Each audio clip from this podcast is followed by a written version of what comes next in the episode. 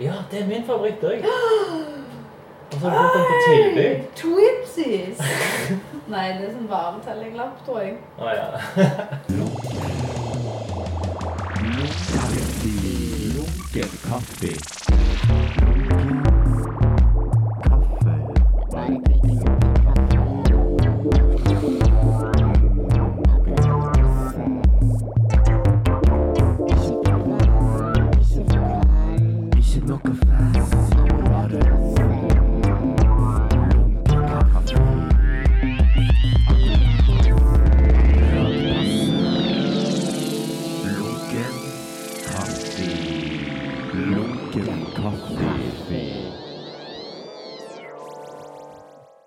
Gang jeg og deg snakkes i sånn en uh, podkast-sammenheng, som vi fant ut er tre år siden Altså det er januar 2016.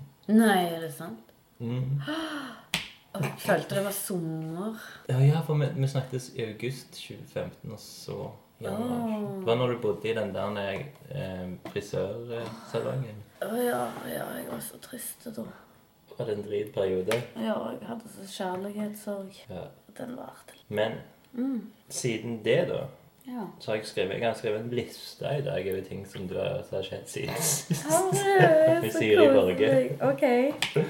Det var jo fint. Du har gjort leksa di. Ja, begynt med research. Ja, ok. Fortell. Så det blir en slags sånn podkastlek. Så det er liksom Jeg Har vi sånn quiz, så jeg skal huske hva jeg har gjort? ja, det- For i segmentet Jeg savner deg, jeg trenger deg, onkel gjensyn. Da skal vi jo egentlig gå gjennom hva som har skjedd siden sist. Og så har det skjedd så sinnssykt mye. Det er så mange punkter her jeg har med deg. Vi kan velge å snakke om det eller ikke, eller bare nevne det, eller bla, bla, bla. Eller du kan si ja, nei. Ok. Så Fyr løs. siden sist, ut av Studio 17. Ja, nei. Ja. Eh, To og et halvt år. ja. Rotterdam. Yes. Det skjedde To måneder. to måneder, ja. Stor utstilling. Mhm. Ja. New Orleans, det var et halvt år, det. Nei, det var tre måneder. Tre måneder. Nei, da hadde jeg litt feil der. Tre måneder. Tre Residency. MD. To stykker i samme sleng. Først ett i et sentrum med alle de andre lykkelige, feite turistene i sånn dritfint bygg. Og så ut i gettoen. I New Orleans. Ja. Shit. Den kan vi gå tilbake igjen. Det er ikke så voldsomt. Det det var liksom ikke så mye som skjedde. Nei. Sykla fram og tilbake, og alle naboene var søte.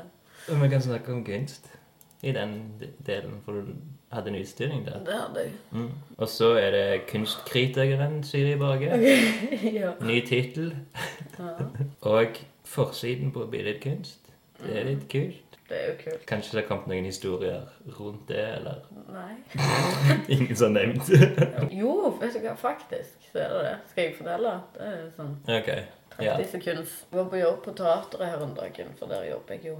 ja. Jeg tar imot billetter og sånn. Og så kommer det ei som jeg gikk på ungdomsskolen med. Jeg vet ikke om jeg har nevnt det tidligere i podkast, men jeg hadde ikke bare lett på ungdomsskolen. Mm. Eller barneskolen. Eller voksenskolen. Eh, Livets skole. Livets skole. øh, Alle som skrev det på Tinder for sånn Nope. Ikke fordi at jeg er elitist, men det er sånn Jeg hører de sier Å, gått på livets skole. Så er det Nei, faen. To the left, to the left. Så jeg blir alltid sånn usikker når jeg møter folk på ungdomsskolen. For liksom hva de skal si til meg. For det er jo mange som har sagt så mange ufine ting. Og så, men hun hyggelige hyggelig, hun her, da. Og så sier hun det at hun hadde blitt stuck, for hun bor i Sirdalen. Så Ok. hadde hun blitt stuck i Sirdalen når hun skulle hjem. Så hun måtte ta henne på det der hotellet. Det der høyfjellshotellet som er der. Så hadde det ligget noen blader der. Så sånn Å ja, jippi, for et godt utvalg. Liksom kryssord og et eller annet som heter billedkunst. Og så hadde du kikket på det, så bare sånn Vent litt, det er ikke det Siri Borge? Så hadde hun kjøpt seg et glass rødvin og satt seg til og, og lest intervjuet med Ja. meg og Anna. ja. Var jeg fornøyd, jeg? sånn, Ja, hun var det. Så hun, ja, hun syntes det var stas. da, Så Mm. da ble jeg litt sånn der glad. Ja. Når du har liksom blitt sånn plagte og sånn, så gjør det jo litt grann av godt òg, da. Hvis du Mm. på en måte Det viser seg at du ikke ble hore, narkoman, eller fengselsfugl som alle trodde, liksom. Altså, Det er veldig lenge siden jeg leste det intervjuet der. Men det var én ting jeg ble meg oppmerket til. Det var at du hadde At mor di lærte seg å like kunst. Satt pris på kunst. Ja, Det var veldig fint kapittel, liksom. At du takk. Det syns jeg òg er veldig fint. mm.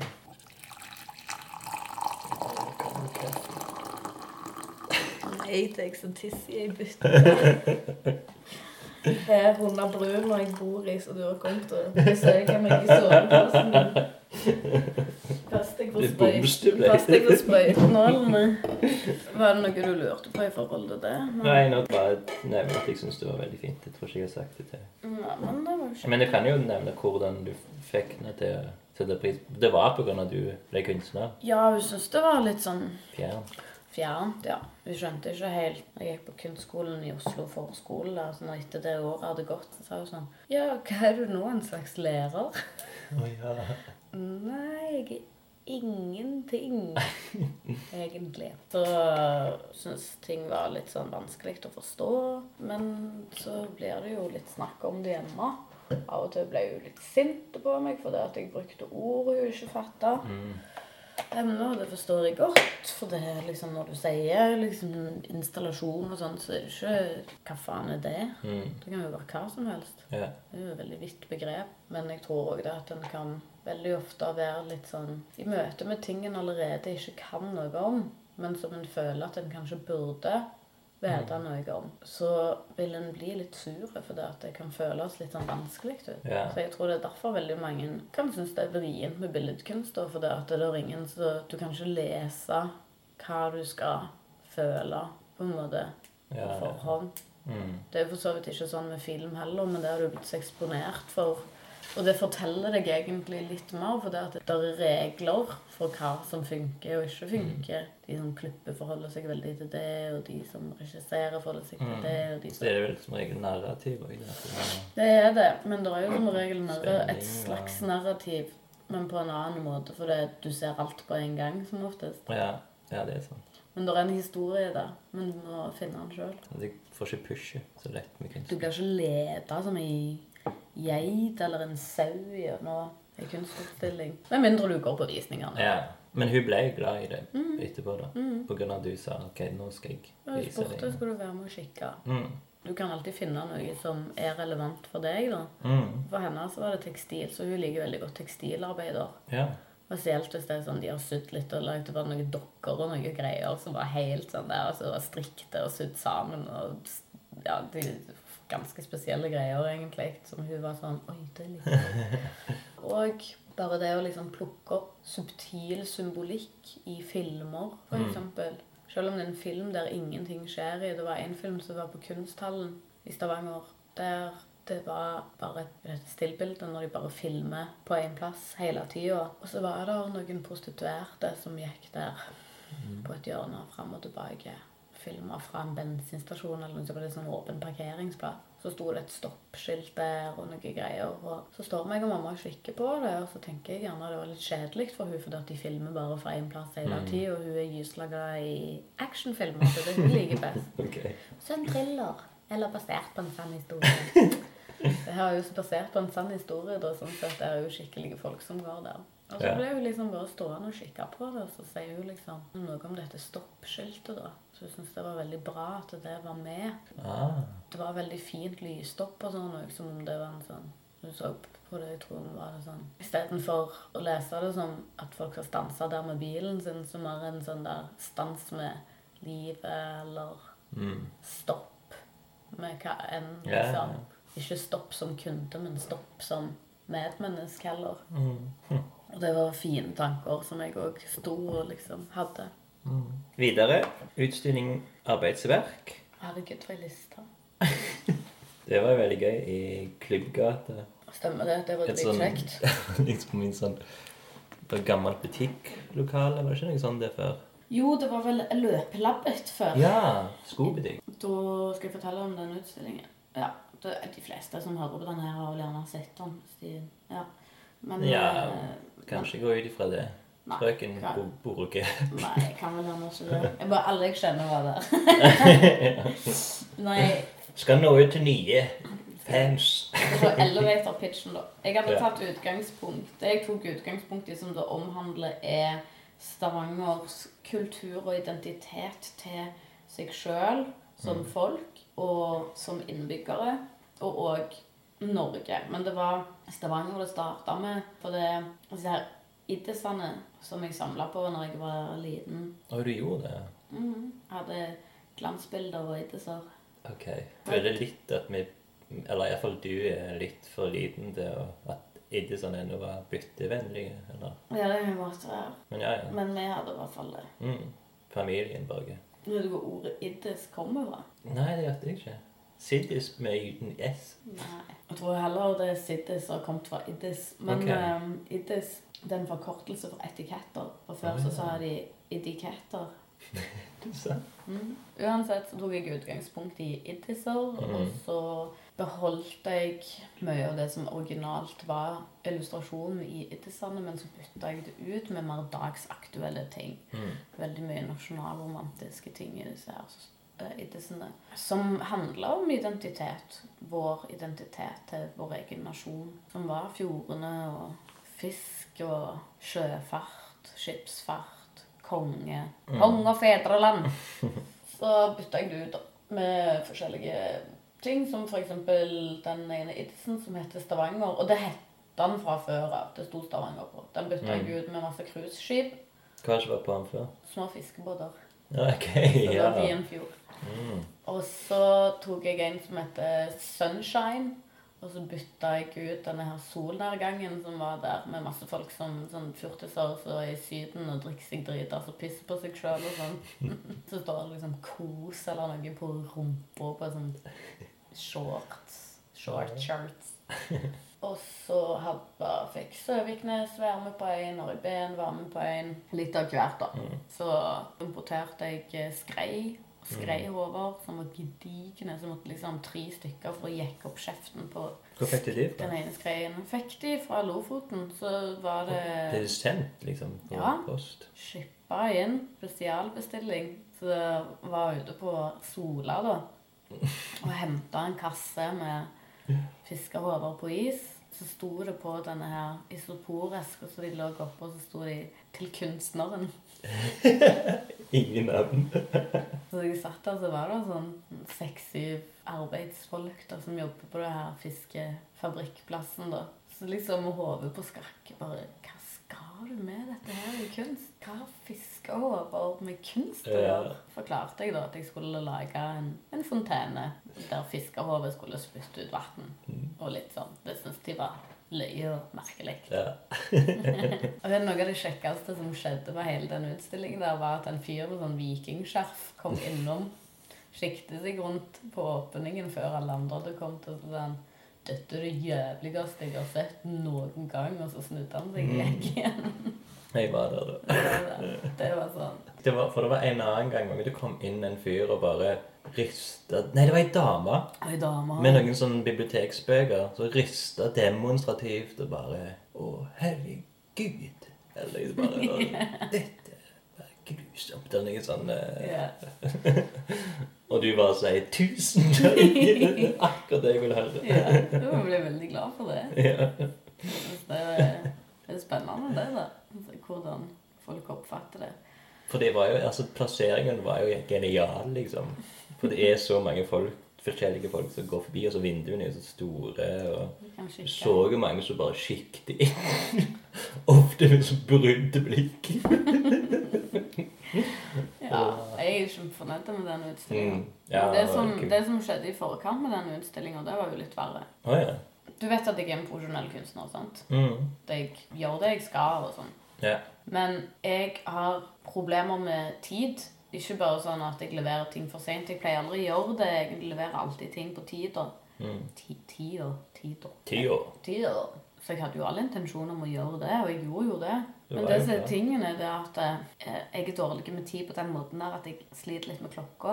Okay. Jeg vet ikke hvor mange timer timer på døgnet. ikke- Ja, nei, men jeg kan eksempel ikke si hvor mange timer det er mellom halv tre og halv fem. Hvor mange timer er det imellom der? Jeg må Mm. sitte og telle på fingrene, og ofte så teller jeg feil.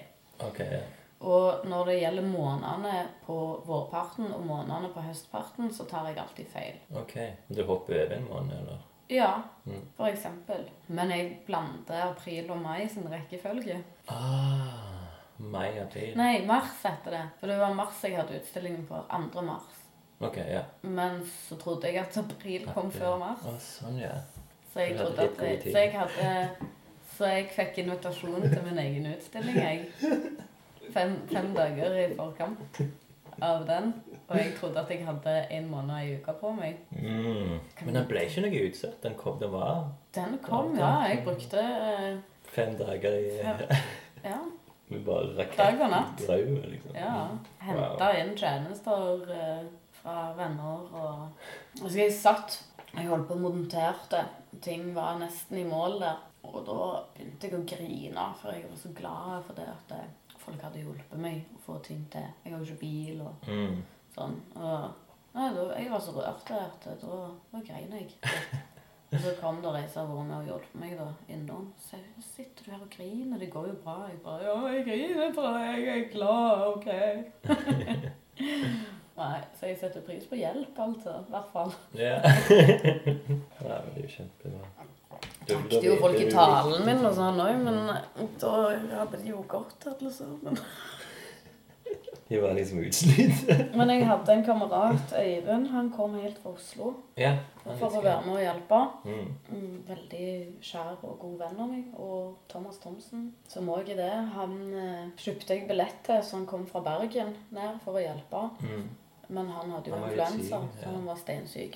Så han fikk ikke vært med. Men uh, Martha, søsteren hans, var med Mm. og kjørte. Og uh, Kissy, han Kristoffer, han Mm. var med.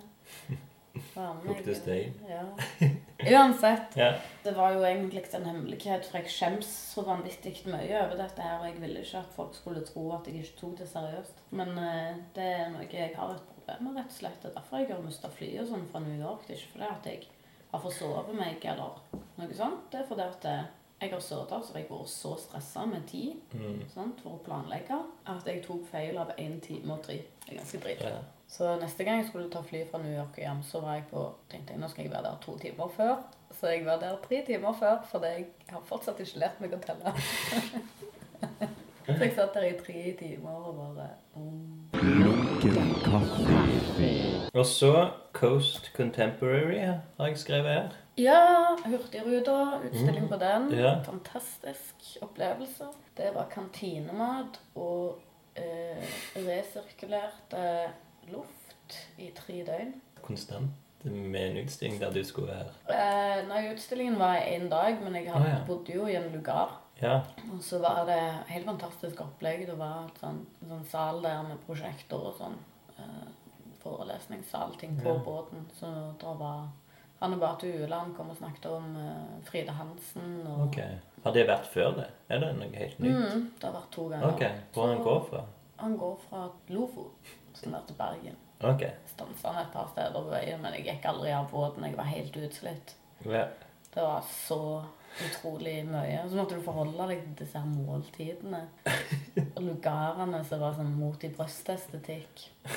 Og mat som på en måte altså mysteriekjøtt og sånn.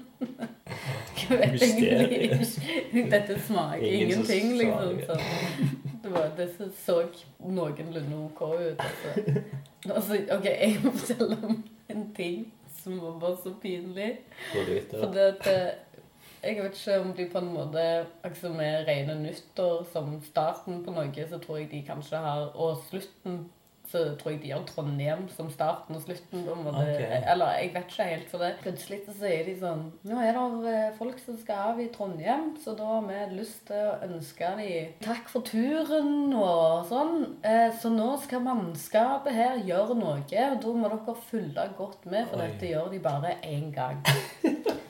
Og da står pikete crewet oppstilt i kantina. Vi sitter der og skal liksom spise. Alle har fått et glass med gratis boblevann. Mhm. Og så kommer de gående ut og stiller seg på rekke og rad, og så begynner de å synge en sang med så jævla mange vers. som handler om hvor glad de var for at folk var med på Hurtigruta, hvor kjekt det var, hvor kjekke kundene er og sånn, og her er alle venner og en familie og sånn. Hvor mange er de cirka? Nei, de som sto der, vet det er ikke kanskje 20 stykker eller noe. som Og alle sang alle, som et alle kor. sang som et kor, og det var så ustemt. Og jeg tenkte fy faen, de gjør dette her hver gang de kommer til Trondheim. Det er sikkert mange av de som gleder seg litt til det. To av de iallfall. to av de. Det er derfor de jobber der. 10 syns dette er kjekt. Men de så så ille berørt ut. Og så var det liksom sånn Tusen takk for at dere kom Hurtigruta var gysla kjekk.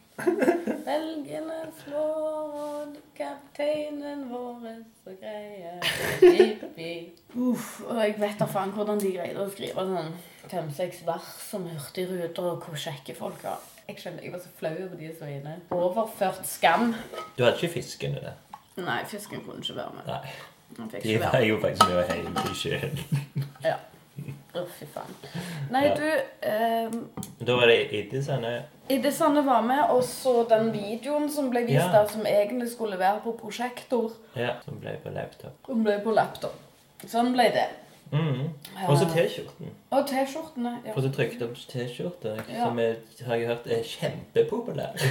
De er ganske populære, ja. Jeg er veldig glad for det. Mm. De ble lagd for det at du skal være litt forsiktig med å prise deg for lavt. Og Så er det noe med å kjenne sin egen verdi. Yeah. Så de verkene jeg har, de må ta en viss pris. Mm. Nå er det sånn at eh, de fleste som på en måte liker mitt kunstnerskap, nødvendigvis ikke har så mye penger.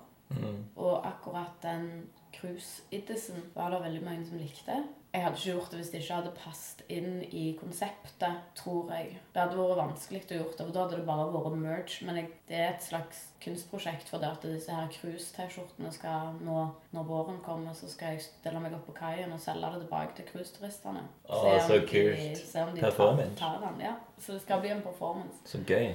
Så det er jo en del av det som du kjøper. Det er en interaktiv del av denne utstillingen. Så alle som kjøper den og går med den, er med og viderefører en slags og er med på en performance, Ja, cool. egentlig. Enten de vet det eller ei. Enten det bare var fordi de liker så godt båter, eller Men de er veldig fine. Så er de god kvalitet. Men jeg må takke Det er jo Kjetil Bransdal som har stått for silketrykken. Mm. Fire farger, og jeg kan ikke fatte og begripe hvordan han har fått til disse fantastiske Ja, sjatteringene i Det er sånn ekstreme skills der. Og òg de T-skjortene som blir brukt, det er jo bærekraftig. Fantastisk. Kan vaskes mer enn én gang. Ja.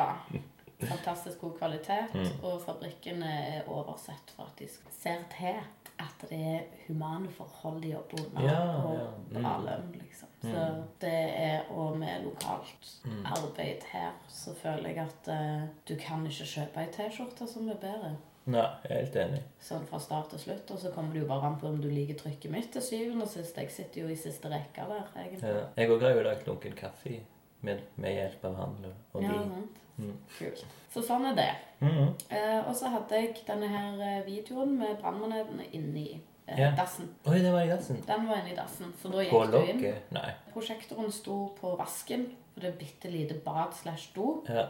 eh, på, i lugaren. Og så ble filmen prosjektert inn i dusjen, og så sto du der inne. Det var en enmanns blackbox. Ok, ja. Så du sto der inne på dette her bitte, bitte, bitte lille badet. Det hadde ikke lov å ta på lyset. Nei, uten lys. Fikk du lov å bruke doen? Ja, og der sto dataen, tror jeg. Å ja, ja. Eller om du kunne sette deg ned. Jeg husker ikke. Var det en bøtte i tilfelle? Nei. Eh, du kan jo bare pisse i dusjen. Eh, Verre hvis du må bæsje. Det som var veldig kjekt med det, det var det at eh, denne videoen da er av brannmaneter som jeg har filma, som er døde eller holder på å dø, litt usikkert. Um, Som Som ligger i fjæra, liksom spylt sånn halvveis oppå på torget, der med fisketorget. Mm. Og så ligger de der og liksom nokså i sjø og skvulper med greiner og plastikk og sånn. Jeg filma den for over tre år siden med mobiltelefonen min. Oh, ja. Da den er ikke lenger enn 27 sekunder Mm. som jeg looper. ja. Og så Det som var kult, da, er at når du står inne i dette lille badet ute på sjøen, og bølgene flytter på deg fram og tilbake, samtidig oh, ja. som at du står og ser på maneter og sjø som flytter seg fram og Mm. tilbake i en helt annen fart enn det du er i, gjerne, og sånn, Mm. så forteller synet ditt deg én ting, og bevegelsessansen din en annen ting. Så du har to sanser som beveger seg i motsetning av hverandre. Ja, sånn, ja. Så du Wow. får en slags illusjon der inne som enten kan være vanskelig for deg, Mm. eller veldig sånn zen. Det var helt fantastisk når folk kom ut. Det sånn, Jeg har satt opp en prosjektor med en 27 sekunder lang video inne på en dass, Mm. og så kommer folk ut og er sånn Wow! Hva var det som skjedde der? Så er det sånn oh, Yeah. Ja. Nei, men Så kult at du kunne bruke den da. Skikkelig. Ja, han kom til sin rett. Mm. Noe mer? Neste punkt siden sist. Flyttet to ganger, står det her. Jeg har flyttet ut fra atelier og flyttet ut fra Ja, leilighet. ja det kommer også litt senere, ja. Ja, men det er de to tingene jeg har gjort. Og jeg får flytta fra eh, frisøren Å ja. Ja, det har jeg to ganger, ja. ja Og så inn og så- ved siden av Hillsong. Ja, og nå er jeg her. Ja. Altså, nå, nå slørte du, avslørte du jo adressen min. Oi, det kan, det kan være beepa ut. Men det er iallfall hos deg, da. Jeg nå. beepte ut. Ja, jeg. har Ja. egne beeps. Gustav har lagt beepe-jingles. Um, men inn og ut av atelieret er jo litt interessant. Du var med på etablerings... Eller du fikk et etableringsatelier på eh, Tau Scene. Mm. Og du har faktisk vært der i to år. Mm. Mm. Så nettopp. Høsten også flytta jeg ut herfra. Ja, ok, så det er nesten en halvt år siden. Mm. Jeg var aldri der. Jeg fikk aldri komme inn der. Spurte ikke kanskje heller. Ja. Du, søte, veldig søte folk på huset, syns jeg. Mm. Det var kjekt å gå gjennom gangene og hilse på folk. Litt irriterende at folk spurte meg hele tida hvor jeg ble av. Å ja. Hvorfor jeg ikke var der så ofte. Det var jo to ting der. Det ene var jo det at jeg jobbet om kvelden Mm. eh, for det meste. Og det fordi at jeg syntes det var greiest. Så jeg hadde Ja. fri en dag, og så tok det meg gjerne fem timer fra frokost til kvelds. Så jeg sto opp tolv. Altså. Ja. Så når jeg kom da, så hvis jeg traff på folk, så var de på vei hjem. ja. Eh, Men det var tomt når jeg var der og jobbet. Og um, jeg deltok aldri på felleslunsjer.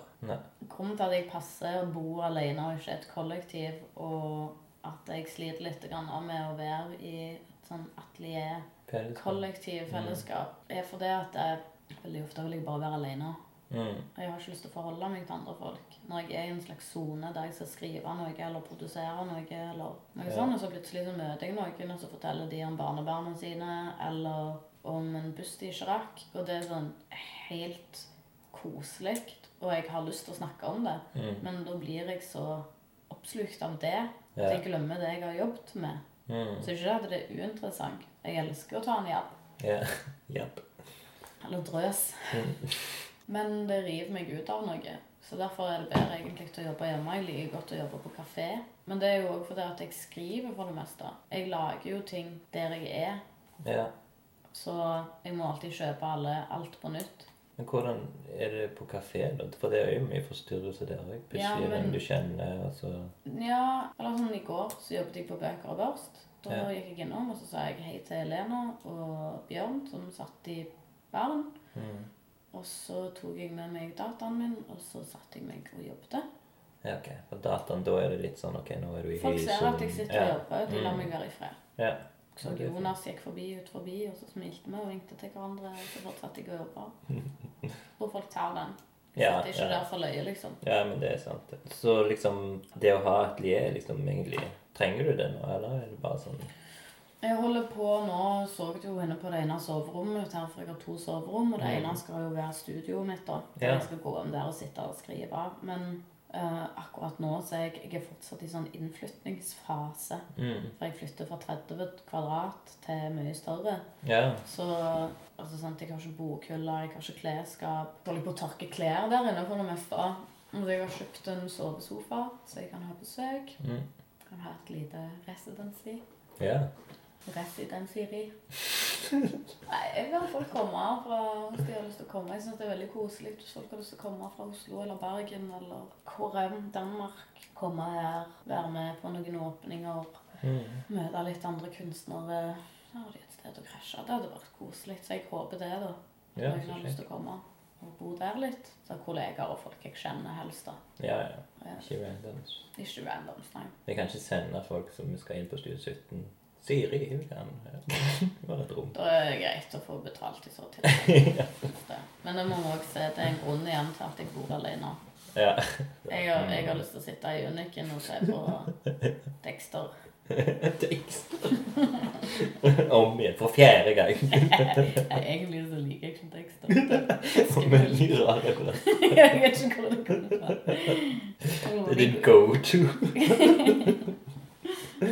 Eh, Nei, men ok, da har jeg fått svar på det. Så har jeg òg tekstforfatteren Siri Borge. Det, jeg vet ikke om du skrev mye før? Publiserte ting før? Eh, altså 2016? Bare når jeg hjalp folk å skrive til Studio 17-åpninger. Ja. For det ble det en, en del av. Ja, ok. Så de sendte meg et utkast eller det de hadde lyst til å bruke, Ja. og spurte om jeg kunne se på det. Mm. Så skrev jeg det om eller ikke, eller bare kom med forslag og sendte tilbake. Sånn, det går an å formulere seg på denne måten. Ja. Liksom. Og så selvfølgelig skrive søknader. ja, det har du gjort mye. Ja, så det ble jo det da, fram til nå, der jeg plutselig har vært med og blitt publisert. Mm. Det har jo, har jo vært ganske fantastisk. Det er jo Maja Økland, hun jobbet jo her på Kunsthallen. Ja. Hun er en fantastisk dame, altså. Mm. Shit, hun liker jeg. ja. Hun er liksom så sånn stille, egentlig. Så er hun så engasjert. Hun er kjempeengasjert og får med seg så sykt mye. Hun gluper, liksom. Mm. Og så sier jeg jo mest fordi at eh, når Billedkunst spurte om noen, om det var noen kunstkritikere eller noen som kunne skrive, spurte de Maja. Oh, ja. Og så sa hun Siri kan skrive. Uten å egentlig vite om jeg kunne det, tror jeg. Jeg er litt usikker. Du var vel at du, hadde tok- meninger. Ja, og så tok de kontakt med meg, da. Og så sa jeg ja, det kan jeg gjøre. Og så holdt jeg på å drite på meg. Og det var så skummelt, du aner det ikke. Jeg, eh, Hva var den første den kritikken du Den første kritikken, det var Hedda Hva heter? Amundsen. Hun stilte ut på Studio Ja. 17. Og hun hadde vel egentlig ikke hatt så mye utstillinger før? Hun hadde jo Jeg vet ikke om hun hadde hatt mange utstillinger før eller ikke, men hun hadde jo en veldig grundig utstilling Ja. eller sånn, med performance og skrevne sanger og veldig blottla seg sjøl veldig mye. Så jeg er jo glad for at jeg fikk skrive om den. Ja. Selv om det ikke er noe jeg hadde produsert sjøl. Så det er Mm. liksom det òg. Så jeg fikk skrive om den. Så, så, og det var dritskummelt. Og så spurte hun om jeg kunne skrive om den som var på Kunstsenteret. Og Å ja, den med Geir Haraldseth som Ja. KVD? Ja, KVD. Som var litt sånn utstilling kasta Mm. sammen av en algoritme. Ja, stemmer det. Og plutselig så var det òg skummelt. For Mm. det at eh, da skulle jeg skrive om etablerte kunstnere sine verk. Ja. For en etablert profesjonell institusjon. Mm. Og selv om jeg brydde meg like mye om begge greier fordi jeg respekterer kunstnerne like mye, så var det òg allikevel en slags større høyfall, Fallhøyde. fallhøyde. Ja. Kjente jeg. ja. Men så gikk det fint. Han var fornøyd, Geir? Vi snakket aldri om det. Geir sier ikke så veldig mye. Nei, det er sant, det. Altså, han er mer sånn Enten så hjelper han deg, Mm. tror jeg, er en ressurs for deg. Jeg tror ikke han syns det er like lett å være en ressurs hvis han syns at det du gjør, er drit. Selv om jeg tror han gjør det uansett. Men Men du ser på han som en venn, eller dere har liksom et slags Ja. relasjon? da? ja, jeg ser på han som en venn. Mm. Jeg gjør det. Og han er jo veldig sånn litt tøysete og Han er, liksom. han er det. Jeg ser på han som en venn, men jeg tror aldri Geir hadde gjort meg en tjeneste for det i en profesjonell setting. Mm. For det at jeg er vennen hans. Nei, nei, Det hadde han aldri gjort. jeg tror ikke det. Han har et rykte liksom, han vil ta vare på. Så Han er profesjonell. han er den er veldig profesjonell. Mm. Det var jo Ro- Rogaland Kunstsenter som representerte meg på Coast Contemporary. mm. Så han var jo med som min kurator eller Mm. noe sånt. Uh, Mentor. ja, nei, representant. Representant, ja. Ja. Mm. Han representerte meg der. Og når vi gikk av flyet etter å ha flydd fra Bergen, da, så klappet han meg på skulderen og så sa han 'Kjempegodt jobba'. ja, så fint. Og det tror jeg er det beste komplimentet jeg har fått av Geir Mm. noensinne. Ja. Så det er liksom der det strekker seg. Mm. Han smiler og nikker som oftest, ja. men han pleier ikke å si sånn Nei, det 'Å, dette er et fantastisk verk'. Han kjøpte jo et verk av Hansi en gang. Mm, Da tenker ja, ja. jeg det er vel kanskje den aller største, aller største komplimentet. Men Ja. at han slutt, eller han fikk seg ny jobb. Hvordan har du reagert på det? Ja, det skal jeg fortelle deg. Ja. Jeg ble kontakta av Kunstens venneforening eller noe på Kunstmuseet. Ja, det er ja, Venneforeningen. Ja, venneforeningen. Mm. Og de ville Jeg hadde med han Rød, som er kunstkritiker for Dagbladet, og jeg setter Liv, jeg har glemt etternavnet, som er kunsthistoriker og jobber for en eller annen institusjon. Mm. Uh, også meg, da. Og så ei som uh, organiserte en sånn tur rundt i Stavanger og så på alle utstillingene. Det var når Anna Gjelle stilte ut Mm. på Kunstsenteret. Der var jeg inhabil. Jeg var tross alt med på en av filmene. Jeg kunne ikke like meg unna det. liksom. Nei. Men jeg ble med opp på Kunstsenteret da likevel for å si hei til Geir og sånn. For alle skulle innom og si hei til Geir. Og så sier, Mm. sier hun som organiserer dette her da Åse Løvgren? Nei, hun var med på det. Hun Visp-dama. Ja. Mm. Og så når Åshild, og så sier hun um, Ja, så gratulerer med ny jobb. OK, så hun Så sånn fikk jeg vite visste det først, ja. Hun visste Mm. det. Og jeg tror bare du kunne se liksom det hvite rundt øynene mine. Og bare kikke på Geir og kikke på hun. Jeg vet ikke om jeg sa noe, men jeg tenkte i hvert fall Ikke faen. Og så gikk de inn på Studio 17 for å kikke. Jeg gikk inn bak døra der, og så ble jeg stående igjen med Geir. Mm. Så jeg bare Mener du det? Ja. Jeg har fått den jobben. Det er jo veldig fint. Så jeg ja. Men du skal ikke flytte, vel? Så bare, jo, jeg skal nok det. Jeg har allerede vært og sett på leilighet. Og da begynte jeg å grine. Jeg begynte nesten å grine når jeg snakker om det nå. Ja. Og det er det jo flere grunner til. Og den ene er jo den jobben han har gjort både som en ressurs i Stavanger Mm. for kunstmiljøet, og i forhold til produksjon, internasjonalt samarbeid, Mm. og å være min venn, liksom. Som en person som jeg kom til å savne. Nå har jo jeg blitt veldig glad i Elias, kjæresten hans òg. Mm. Så det er jo en nær venn som flytter. Ja. Så det var tungt. Mm. Veldig tungt. Jeg ble veldig lei meg for det. Ja. Så både av kulturpolitiske årsaker og Mm, personlige mm, så syns jeg det var veldig vanskelig. Mm. Hva var det jeg sa for noe til han? sa jeg sånn Ja, ja, får bare reise, da. Trenger deg ikke her uansett. Finnes sikkert noen som er mye bedre enn deg. så bare lo han av meg. Jeg kan ikke snakke mer om det. var trist. Ja. Vi kan ta en, eh, en skål. Lunken kaffeskål. Ja. Så bryr deg litt. Skål! Vi er ikke ferdig med tekstforfatteren, Siri Borge. For du har også skrevet tekster for Var det Casten med denne rott, den rottegreia? Rottegreia, det var for uh, New Orleans. Jeg hadde Ja, det var det, ja. ja. Det skulle vi komme tilbake inn til. Ja. Men Ulyd, den boka som ligger her, Ja. feministisk antologi ja. For det er jo litt interessant, for ulyd eh, har du skrevet en tekst for, og så har du skrevet en kritikk til ulyd på kunsthallen. Ja, veldig løye. Veldig spesielt. Jeg tenkte OK, ikke verdens mest originale tittel. Men makes sense, for det at begge deler handler jo om kvinners stemme. Mm. Sant? Som en ulyd. Ja. I forskjellige settinger, både i livet generelt. Jeg tok for meg da kultur, eller billedkunst. Snakket litt grann om hvordan det er å være ei dame i mannsdominert miljø Mm. hvor ekstremt dumt det er som dame. Altså, du bare Du vet som mann òg at det å ta en sjanse og bli billedkunstner, det er en kjempenaiv ting å gjøre. Uansett. Mm. Men som dame så er det jo faen Er du dum i hodet? Er du klar over hvor liten sjanse det er for å tjene eller overleve på dette her? Hvor lite seriøst du kommer til å bli tatt som kvinne. Med den bitte lille håndfullen med damer som er seriøst tatt i disse her kunstsamlermiljøene og sånn. Nå er det jo sånn at det der er kvinner som eh, er i institusjonene mye mer enn det det var før, så det vil jo forhåpentligvis være en endring der. Mm.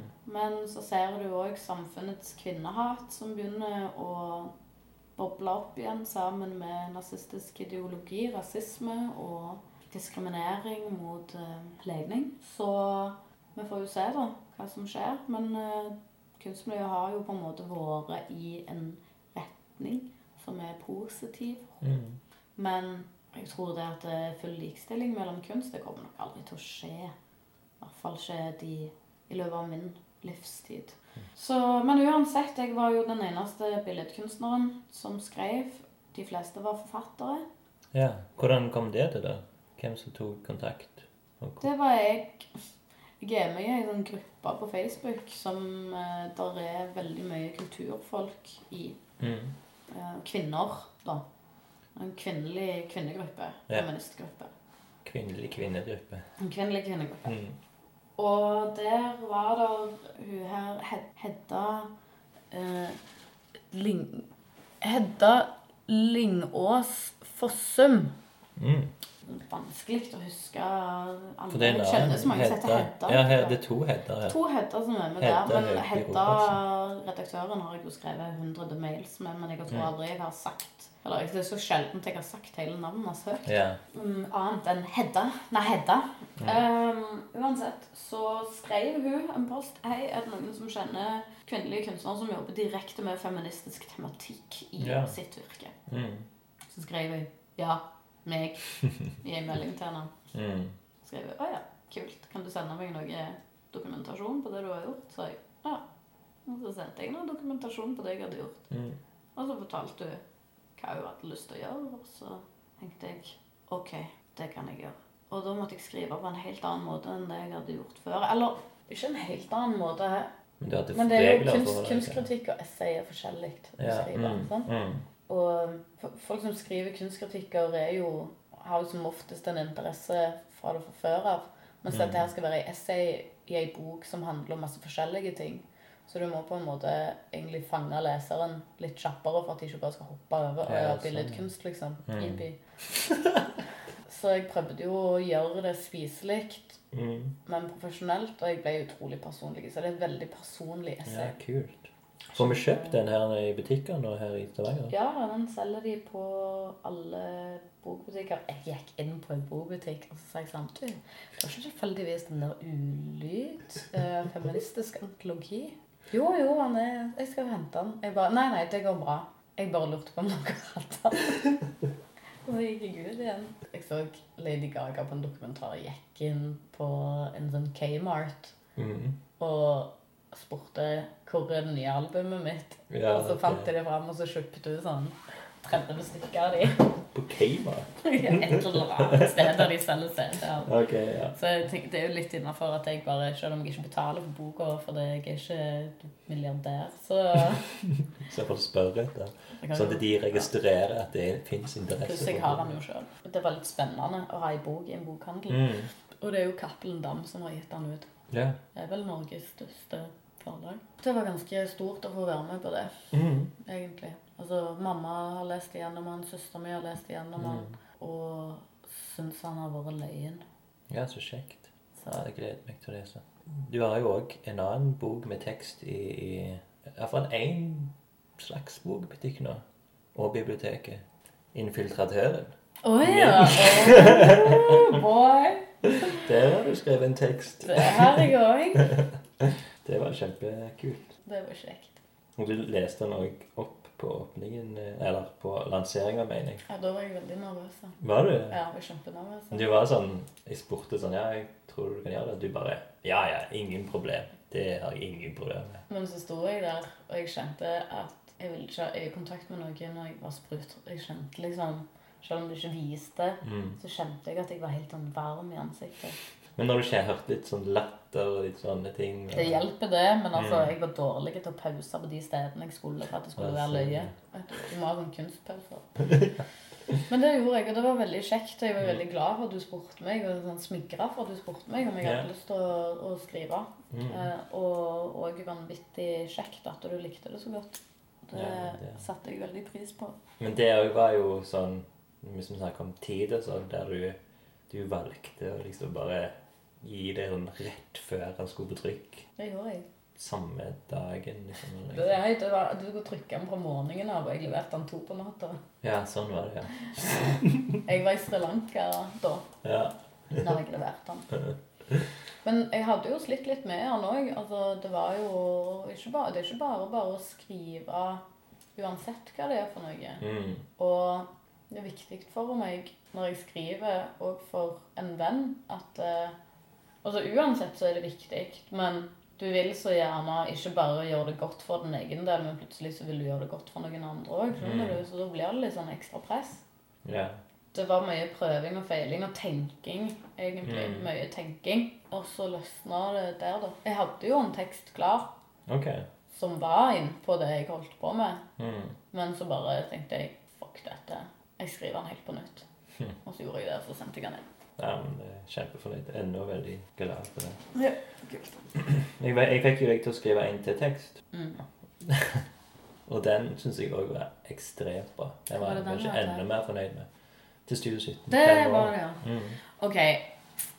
Jeg har lest den Mm. på nytt inni der. Og det som er litt problematisk, er det at eh, dere har ikke renlest den. Eh, der er et avsnitt som er med to ganger. Nei! Det er setninger som stanser og ikke har en mening, liksom. Så det er litt dumt. Herregud. Men jeg regner med dere ikke skal trykke den opp mer, så jeg tenkte det er ikke vits i å si noe. Men det var litt dumt. Ja. Så det var litt dumt, men, eh, men eh, sånn er det. Så håper jeg at folk legger godviljen til når de leser den. ja. Egentlig. Ikke noe å gjøre med det nå uansett, Espen. Nå er det der. Beklager. Det var Ikke vær lei deg. Og vet du det, neste gang du skal gi ut noe, at du må lese det mer enn to ganger. Ja. Men eh, vi kommer ut og legger den opp på en PDF på hjemmesida. av Studio 17. Da blir den skikkelig. Ok. Men eh, det var iallfall veldig fin tekst, og vi brukte jo sitatet ditt òg. Som den pitchen du hadde Ja. på Gly. Elevator pitch. Ja. ja pub pitch. Den var veldig Den ble jo skikkelig elska. Ja, jeg bruker den ennå. Etter hva som helst. Nei. mm, Studio 17 Ja. og kunst Mm. i Stavanger. Husker du den utenat. Nei. Nei. Nei, vi gir meg et par øl. ok. Eh, du har òg gjort kunst for barn Mm. siden sist. Mm, Kunstklubben for barn på Kunsthallen. Ja, da har jeg fått være med tre ganger. Mm. Og den første gangen jeg var med, så var jeg assistenten til Hansi. Så Ja. han hadde landskapskunst. Mm. Det var ganske spesielt. Unger pleier ikke å ta meg så seriøst, for det at eh, jeg ser ganske ung ut. Mm. Og jeg tøyser. Jeg er løyen litt sånn uten vilje. Fordi jeg prøver å være koselig. Min måte å være koselig på er å tøyse. Mm. Sånn. Og jeg husker på et tidspunkt så hadde jeg en sånn gruppe på unger i sånn niårsalderen og nedover som sprang etter meg med hender så de hadde gravd nede i en blanding av gjødsel og moll. Så de hadde liksom svarte hender, så de sprang etter meg og ville gni i fjeset mitt. da. Shit. Og da mm, husker jeg stanset litt og snudde meg, så måtte jeg liksom rope til dem at dette er ikke lov. Det syns jeg ikke er løye. Og Mm. da stanset de opp, og så kikket de på meg, og så lo de av meg, og så snudde de bare og gikk liksom tilbake igjen. Men jeg ble ikke tatt seriøst i det hele tatt, så jeg var litt nervøs når jeg kom inn og skulle være kurator for Mm. sommerutstilling, eller juleutstilling var det vel kanskje. Så hadde jeg lagt en strategi på hvordan jeg skulle gjøre ting. Så da kom jeg inn og var veldig sånn Hei, alle sammen. Jeg har sett på det dere har lagt, bla, bla, bla. Deler dere opp i to grupper. Da skal dere jobbe med det, og jobbe med det. Mm. Dere begynner der, dere begynner der, og så veksler vi litt underveis. Mm. Og nå må dere komme med forslag til hvordan vi skal gjøre ting. Det er liksom det. Nå må dere ha en gruppe arbeidsgrupper her der dere snakker om hvordan kan dere henge opp en tegning uten å gjøre det på veggen. Sånne ting. Mm. Få de til å gjøre ting som er litt annerledes. da. Og det gikk fint. Og så ble jeg spurt da om å gjøre kunst- og feminismekurs. Og den delen som jeg er veldig opptatt av, er jo veldig kroppslig ofte. Ja. For det at kvinnekroppen Det er jo det som bærer Vi går rundt med den, og det er jo inni den stemmene våre sitter, og hjernen vår sitter, og følelsene våre sitter, og alt. Så det er jo det som vises utad, og det er det som blir objektifisert Mm. og misforstått. Og det er jo fordi at vi er i den kroppen som vi er. Så det er veldig relevant. Og i billedkunst så er det veldig kroppslig og utfordrende. Det kan være så drøyt gjerne at en ville kanskje ikke overdrive og vise Det blir vanskelig å Hvordan faen skal du få barn ned i seksårsalderen Var de så unge? Mm. Med okay. Første gruppa var mellom Mm. 6 og 9, og andre yeah. mellom 10 og 13. Ja, stemmer. Så hvordan skal disse barna da lage body art på en måte? Mm. Jeg kan ikke si nå skal vi springe, kle oss nakne og springe over motorveien fordi at eh, vi produserer, liksom. Altså, Ja. det funker ikke. Så det jeg gjorde da, fordi jeg hadde to timer til rådighet, var vel å bruke de første 45 minuttene på å snakke om kropp, pubertet, feminisme, hva det er, hva Shit. de visste om det på forhånd. Mm. Viste alle underarmsåret mitt, f.eks. Og så fikk alle laga T-skjorter. For det er en Ja. kroppslig ting. Mm. Den er inntil kropp. Ja, det er noe du har inntil deg som skal holde deg varm. Så fikk de sånn tekstiltusjer, så de fikk tegner på den ene sida. Mm. Og så hadde jeg på forhånd lagt masse sånn, sånn knyttnever, sånn feministknyttnever, Ja. som de kunne ta på. Så fikk de velge sjøl hva noen ville bare ha navnet sitt på. Veldig mange ville bare ha feminist på. Noen ville ha urettferdighet er dumt. Altså sånne ting som det der. Så ja, så da ble det sånn, og det likte jeg veldig godt. Men hvordan reagerte de når du snakket om pubertet? Var det noen som begynte å le, eller klarte de Nei, det? ingen som lo. De var veldig sånn Nei, alle visste hva pubertet var. Og, Gjorde de det? Seksåringene? Ja, de hadde en idé om Ok, kroppen wow. forandrer seg når jeg blir voksen. De har vel kanskje blitt flinkere å lære vekk disse? Nei, men de vet det jo, for de har jo allerede forandra seg. Og så har, ser de jo ja, ok. De vet jo at jeg begynner i første klasse, så begynner jeg i andre klasse, da er jeg litt større. Tredje Mm. klasse, da er jeg enda større. Mm, sånn, ja. Og så begynner jeg å få pupper for det. Så du er Ja. klar over det. Du Jo, har en, et forhold til din egen kropp og andres på Ja. den tiden der. Nei, men det var kjekt, og du ville jobbe mer med barn. Mm, da vil jeg gjerne, vil gjerne være med på Den kulturelle skolesekken hvis de vil ha meg. Mm. Så det er kanskje ikke Ja, nå blåser vi opp ballonger, og så lager vi gips rundt og sånn. Det er jo politisk Mm. og personlig. Intimt. For de, Ja. tenker jeg. Så eh, Jeg vet ikke hvor mye du vil snakke om dette, men eh, Jugendmuren Det har jeg ikke lyst til å snakke så veldig mye om, for det, det er Men det er jo noe du har holdt på med i, i hvert fall over tre år, kanskje. mm, tre-fire år nå. Mm. Men jeg har fått penger fra Kulturrådet til å lage en kunstfaglig rapport Mm. som tar for seg altså Det er en slags mulighetsstudie. Hva kan vi gjøre inni denne her muren på Nytorget, der det er noen nedlagte toaletter inni som må totalrenoveres. Mm. Og da har jeg intervjuer med forskjellige grupper, du har jo vært med på en av dem. Mm. tar har jeg for meg billedkunst, scenekunst, musikk øh, og sånn.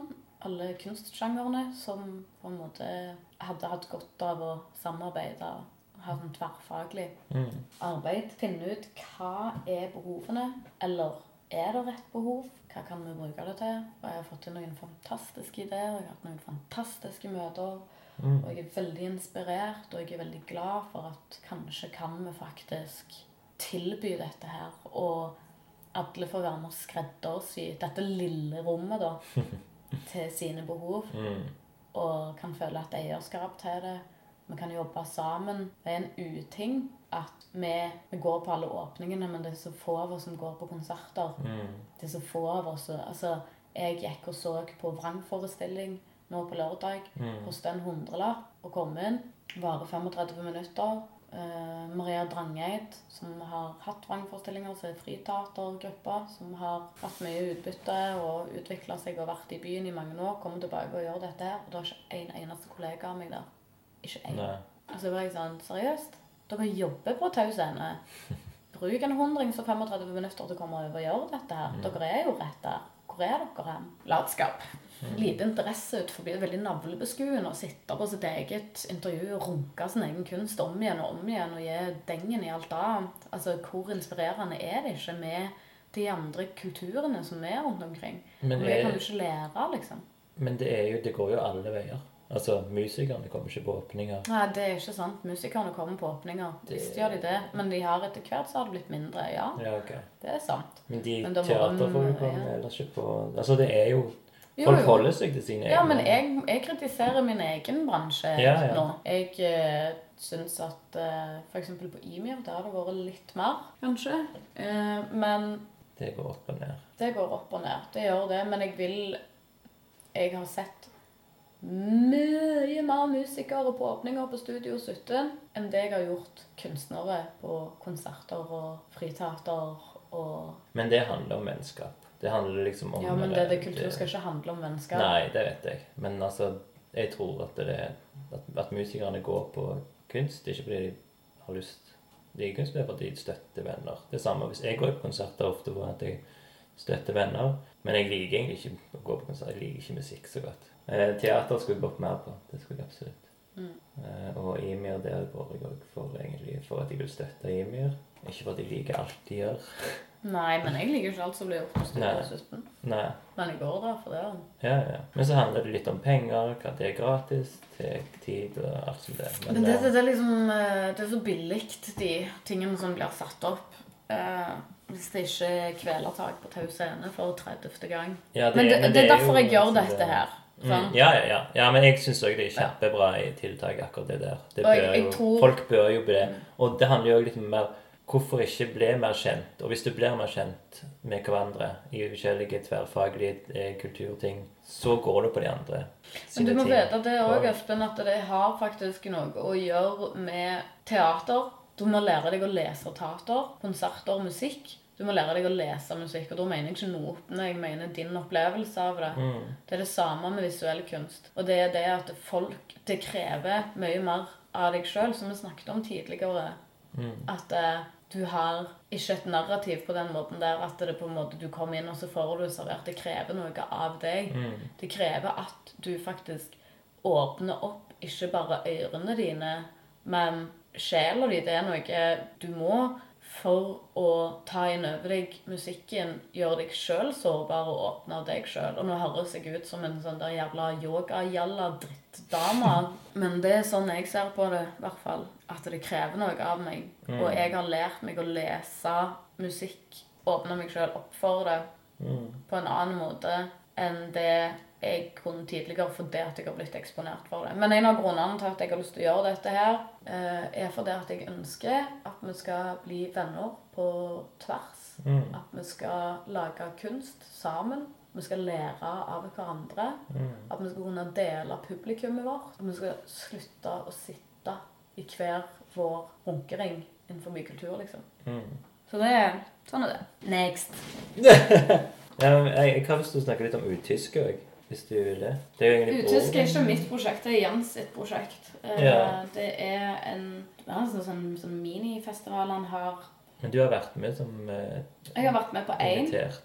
ja. Jeg har vært med på én som òg var Jens er musiker, profesjonell musiker, gjort veldig mye bra for byen. Mm. Eh, og har et konsept som heter Utyske, som tar inn litt Som har sånn høykvalitets, mer eksperimentell musikk. Som òg er et rimelig tilbud. Mm. Det er faktisk så fint at hvis du er blakk, så kan du gå der og si 'jeg er blakk, men jeg har veldig lyst til å se'. Og så får du komme inn. For det at det handler så mye om formidling, og at folk skal få opplevelser. Er et veldig idealistisk prosjekt. Og Jens er en idealist. Det er jeg òg. Mm. Men eh, jeg er veldig glad for at han har valgt å gjøre det sånn. Og i og med at meg og Jens samarbeider om det her i Muren Han er med å lage dette prosjektet her, og han er den som kommer med musikkdelen. Og er med og møter de fra kommunen og sånn. Veldig bra mann, Romen. Ja. Og det, da, i forbindelse med denne her muren og det, det tverrfaglige prosjektet som vi prøver å gjøre, så fikk jeg kuratere inn Monica Winther, som er opprinnelig fra Sandnes, basert i Oslo, til å ha en lydperformance. mm. Musikkperformance. Mm. Så har han jo òg starta noe som heter FNAS, der scenekunst og musikk har blitt blanda. Og hadde du dansere og, og musikk som eh, jobbet sammen da, på en konsert. Så ja, de holder jo på med det. yeah. Sant? Men på utyske, selv om jeg reklamerte mye på det på Facebook og sånn, så var det det var publikummer fra Studio 17 som har kommet innom der og sett, og du var jo der og Mm. sånn. Men hvor faen var de folka fra Tau Scene? Hvor var de fra Prosjekt Ron Normans? Hvor var de fra Imir? Og så var Ja. enkelte fra Imir, liksom. Men hvor faen var kollegaene mine henne? ja. Fordi at folken ikke er et sted de er vant til å gå på. Jeg sier jo det skal være performancekunst. Og performance er noe som er så sjeldent i Stavanger. Er Så det er fantastisk tilbud når du først er der. Monica Winther er en av mine favorittkunstnere i Norge. Okay. Og selv om det var kjempegodt oppmøte, det syns jeg, synes det var Mm. kjempegodt oppmøte Jeg kan ikke si at jeg er misfornøyd med publikum, og fokuset mitt ligger ikke hos de som ikke kom. I det hele tatt. Mm. Men der igjen, hva faen feiler folk, liksom? Vi kan gå tilbake. Nå har jeg gått gjennom lista. Er det noe jeg har glemt? Nei. Nei. Det er sikkert masse annet som skjer innimellom, men jeg glemmer det underveis. hva jeg Ja. har gjort. Men jeg har liksom tatt i hvert fall høydepunktene da. Eller? Mm.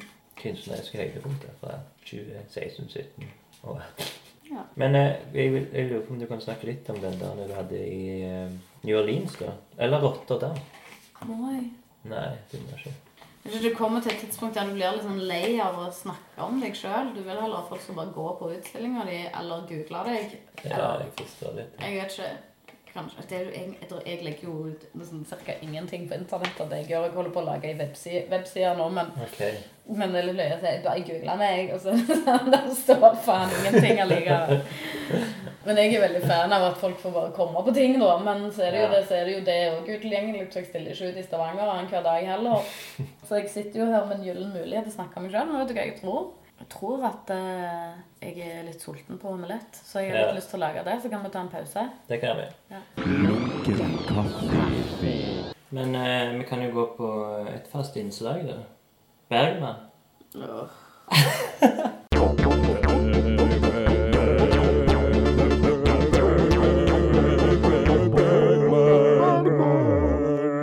trenger ikke gå så veldig dypt inn på Bergman, for jeg kjenner en sånn naturlig sånn Du er ikke litt lei av Bergman etter hvert? Nei. Segmentet Bergman.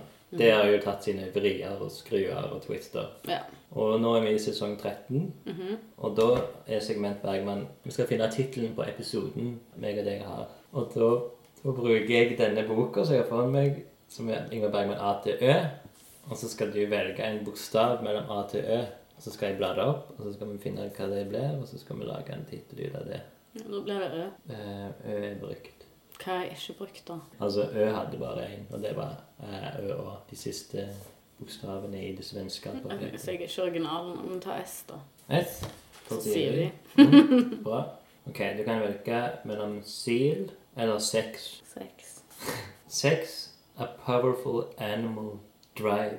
The subjects treated by Inger Bergman can sometimes make his work appear cold and highbrow. Religious doubt, the tyranny of family, and insanity are, after all, topics in many Bergman films. Nei, det er bare de ordene som var inni der. Å ja, tyranni, Mm. familie, sinnssykdom. Cold and highbrow. Religious doubt. The tyranny of family and insanity. Det er tittelen. Yep.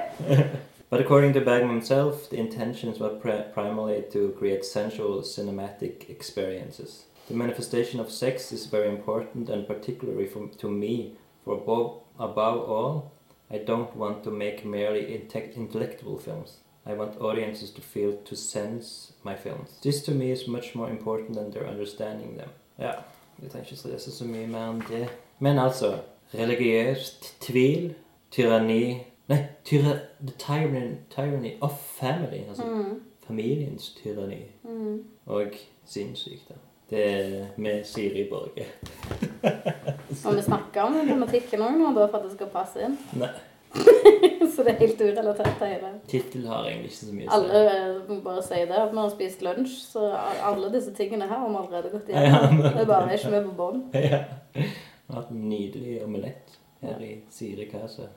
Ispedd eh, ispedd familiens tyranni og sinnssykdom.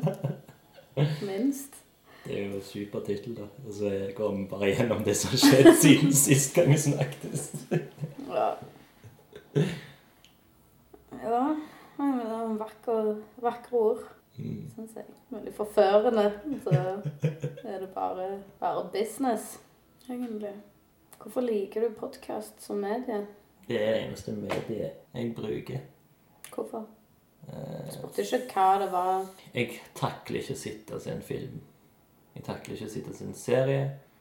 Men podkast kan du gå rundt. Du kan liksom gjøre andre ting mens podkast. Jeg sovner, jeg. Gjør du det? Jeg greier ikke å fokusere på podkaster i det hele tatt.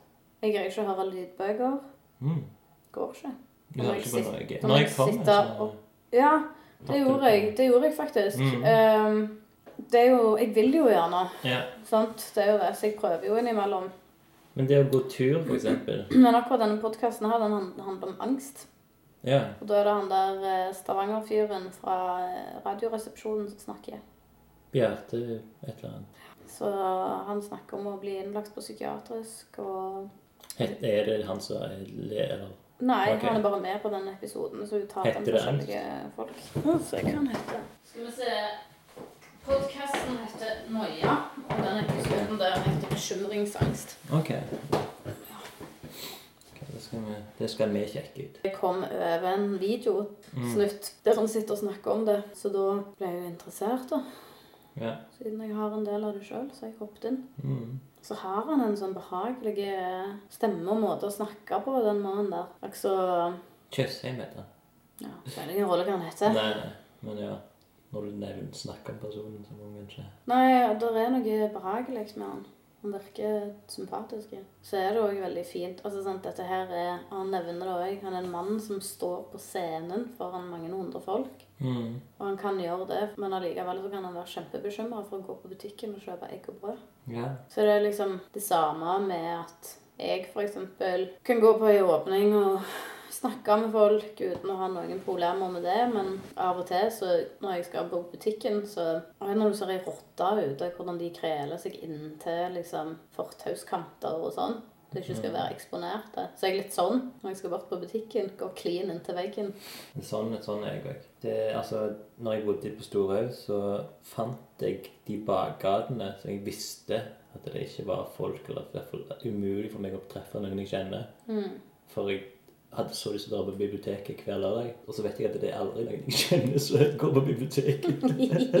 Jeg var på biblioteket i går. Var det det? Ja. ja tidene forandrer seg. Biblioteket liksom, det kjenner jeg som en sånn veldig sånn trygg plass. Så jeg kan bli redd for å gå Å nei, jeg tenker om jeg kjøper noe fra den plassen der, og så smaker ikke det godt hvis jeg skal ha noe takeaway. Ofte så kan jeg utsette. Jeg er kjempe, jeg greier ikke å bestille noen ting fra sånn. Foodora. For det at eh, jeg har ikke lyst til å forholde meg til sykkelbudet, for jeg føler at det er sånn litt ekkelt at folk sykler rundt. Mm. Og at jeg er liksom den personen som, som sitter der og egentlig ikke har råd til å bruke 300 kroner på å bestille mat hjem. Men at det føles litt sånn arrogant ut, nesten. Mm. Har du hørt om den der pakke, at du kan få en sånn pakke på døra med liksom alt du trenger til middag, eller Ja, han, Bjar Bjarte eller Bjarne eller hva, han nevnte faktisk det. Han Mm. Hadde sagt det til kona og sånn Hei, du, det, det går an. Hvorfor har vi ikke det? Og bare bestille varer som kommer på døra. Så, Ja. sånn. For det, du trenger å gå ut. Ja. Derfor. ja. Men uh, hvis jeg har et møte eller noe, så pleier det ikke å være et problem. Det er bare når det er ting Nei. jeg er nødt til å gjøre for meg sjøl. Altså, det, det er så mye som kan skje der i mellomtida. Altså, du kan ikke planlegge alt på en sånn tur like bra som et møte, kanskje. Det er kanskje jeg kunne tenkt. Hvis du skal på et møte, så har du en unnskyldning til å bare gå rett forbi folk. Det er jo én ting, fordi du har Ja. dårlig tid. Mm. Vet ikke, så der går rundt omkring i butikken og surrer og ikke vet helt hva du skal ha for noe. Og så plutselig så står du der og tenker på de neste fem dagene for å planlegge maten din og sånn. Nei, vet du faen. Kjedelig. Kjedelig uansett. Det spiller ingen rolle innholdet på butikken eller hvor Altså sånn, Så Planlegging og det som er rundt butikken har ikke så jævlig mye å si, egentlig. Det er turen bort. Og den starter fra sofaen. En teknikk jeg har funnet som fungerer ganske godt, er å ringe til noen. Sånn at når jeg står og knytter skoene og sånt, så er jeg opptatt av noe annet. Yeah. Distraherer meg fra oppgaven. Og da er det greit å ha podkast i ørene mens du går. Ja, det, det, jeg greier ikke å konse på det. Jeg greier ikke. Nei. Det går ikke. Jeg prøver, men det går ikke. Men det jeg syns er gøy med å lage podkast, det er at det, det er så fritt. på en måte. Altså Det er ingen regler. på en måte. Det er liksom Alt du trenger, er en mikrofon og så to personer. Det er egentlig bare én person òg. Og det er liksom, du legger det opp, du trenger ikke penger til det. Du liksom, og så kan du kalle det en kunstform. Mm, Kan du det? Det liker jeg veldig godt med deg. At det er sånn spontanitet er bra. og Du trenger ikke planlegge. ja. Mm. Ja. Og så liker jeg jo å klippe, da. Jeg liker jo den prosessen. Ja. Klippe litt, er deg litt smartere Eller sånn dialogen går kjappere og bedre. Ja, ja, ja. Nei, men eh, de der tenkepausene innimellom Hvis det er det, det er der jeg ramler av. Ja. Hvis det er tenkepause, eller liksom diskurser Hvis det er mange diskurser Ja. i samtalen, At du har liksom, du skal komme fram til et poeng, men så har du 14 andre ting du er Mm. Ja, innom på veien. Så mister jeg helt. Ja. Da er ikke jeg med på lasset lenger. Hvis jeg går til butikken, for eksempel, så kjenner, hører jeg at det er en pause. Da kommer angsten, for da tror jeg at noen ringer meg. For da- stopper jo liksom podkasten når noen. Og det, det er faktisk ganske Ja. fucked up av disse podkastskaperne som ikke gidder å klippe vekk mellomrommet fordi at det skal være så ekte. Ja. Jeg vil gjerne se for meg at uh, klippeprosessen er kjekk. Mm. Tror jeg på. Hvis du først når du kommer inn i den der klipping, så kan det være litt eh, hypnotiserende nesten, eller sånn. Ja, og så føler jeg liksom at det, å, ah, der ligger en din jingle, og Tell meg det det bra. Ja, det er godt. Det er godt du koser deg, men det er vel en grom når du har kommet inn på 13 sesonger. Men jeg har jo gjort det sånn ok, De andre gangene meg og deg har snakket, har vi sikkert snakket i fire timer hver gang. Mm. Men nå er det maks to timer, for ellers så blir den klippeprosessen om til sånn to fulle arbeidsdager. liksom 17 timer. Og, Det trenger du ikke. ja, Men nei, hadde du noe mer på lista, eller? Jeg tror vi var gjennom uh, hele ditt Eller hele de tingene jeg har snappet med meg mens vi har vært uh, ute for podkast. Skal vi se om det er noe løye og screenshot om det er delt Tinder-profiler? Skal vi se om det er noen løgne tekster eller noe kjekt? Ja, det kan vi gjøre. Sånn, det kan vi gjøre som en avslutningssegment. Er du hyppig Tinder-bruker? Det- Nei, det er ikke så Instagram jeg ser på det når jeg skal drite. Oh, jeg har fått noe her. En match? Supermatch? Nei, ikke Ja, jeg har fått en melding fra en som skrev til meg på lørdag, og så så jeg ikke det før i går, Mm. som var mandag. Så da jeg, spurte jeg om han hadde hatt ei fin helg. Halla, jeg, helgen var topp. Har du hatt en fin uke hittil? Jo, og så har jeg fått en match med en som heter Mats med T. Mm. Det står ikke alder på han. Han har kun ett bilde som han er pen på. Det står ingenting om han. Og det pleier jeg aldri å like, men han så litt snill ut, så han fikk en like. Ja, men det gjør han. Mhm. Skal vi se her Skal jeg finne inne på galleriet mitt her. Skjermbilder. Dette her er sånt jeg liker veldig godt. Ok, Tommy Mhm. har tatt en selfie liggende på sofaen og kikker opp i kameraet mens han har hagen litt sånn nedover. Litt sånn sideblikk. Veldig klassisk Tommy har skrevet Så, du er på Tinder for å finne drømmemannen? Vel, du kaster bort tiden din. Vi alle vet at de fleste menn er rovdyr og kun jakter etter mus. Med litt flaks så kan det jo hende du finner drømmemannen. Men la oss heller være realistiske her. Han ber deg med på date, du sier ja, dere ligger sammen. Men hva skjer etter det? Jo, du venter på en SMS eller en telefon fra han som du aldri får. Du sitter nok en gang og sveiper til høyre, venstre. Jeg kan hjelpe deg. Sveip til høyre for en ekte superhelt. Wow. Og han var brannmann, husker jeg. på... Oi, oi, oi. Han hadde bilder av seg sjøl som brannmann. Shit, altså. Det var Ja. du en ekstrem Her har du bilder av han som brannmann. Det Mm. fikk han et screenshot på òg. Og så er det jo veldig mange løgne bilder. Og det her er det en som heter Bjørn Morris på 34 fra Kvinesdal ungdomsskole. Det det. Og han har en, han har en eh, sånn skikkelig rånebil som så krasja og litt sånn. Og så er han blå, og så står det 'Stem Høyre, Morris'. og så står han og er litt sånn bitte litt med i bildet. I blå jakke og ser ut som et troddel. Her er det en dude, da. Det er noen andre som har Snapchatta.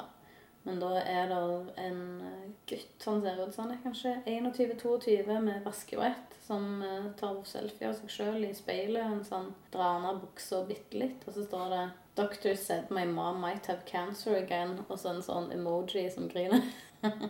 Ok. Det blir du våt av, vet du.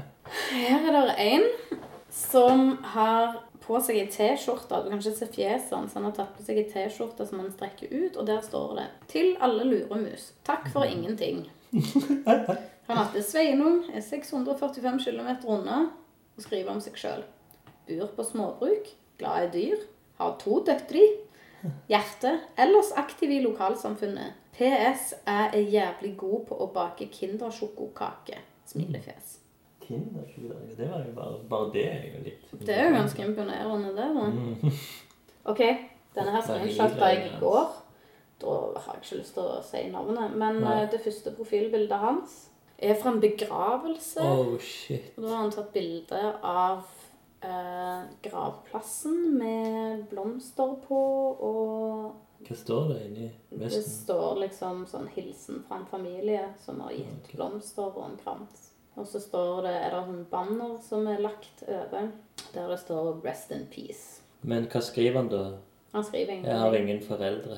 Nei, han har skrevet, han har ikke skrevet noen ting. Trenger venner, alle er døde. Nei, han har ikke skrevet noen ting om seg sjøl. Altså. Noen er veldig si? Ja.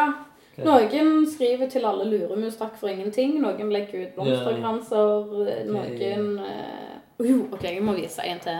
En fyr som har tatt bilde av seg sjøl med sixpack eh, på trenings... Nei, det er ikke på treningsstudio, det er hjemme hos han sjøl. Han har sånn strykebrett og strykejern bak seg her. Du kan se her. Uten hode, selvfølgelig. Andrej, 35, eh, jobber all over the place og er 983 km unna. Not really good at small talk. Prefer doing it than talking about it. Prikk, prikk. Also Wow. prikk, prikk. Nei, Prikk, prikk. Prikk, prikk. Rekke finger-emoji. Smile-emoji. Vet du hva det betyr?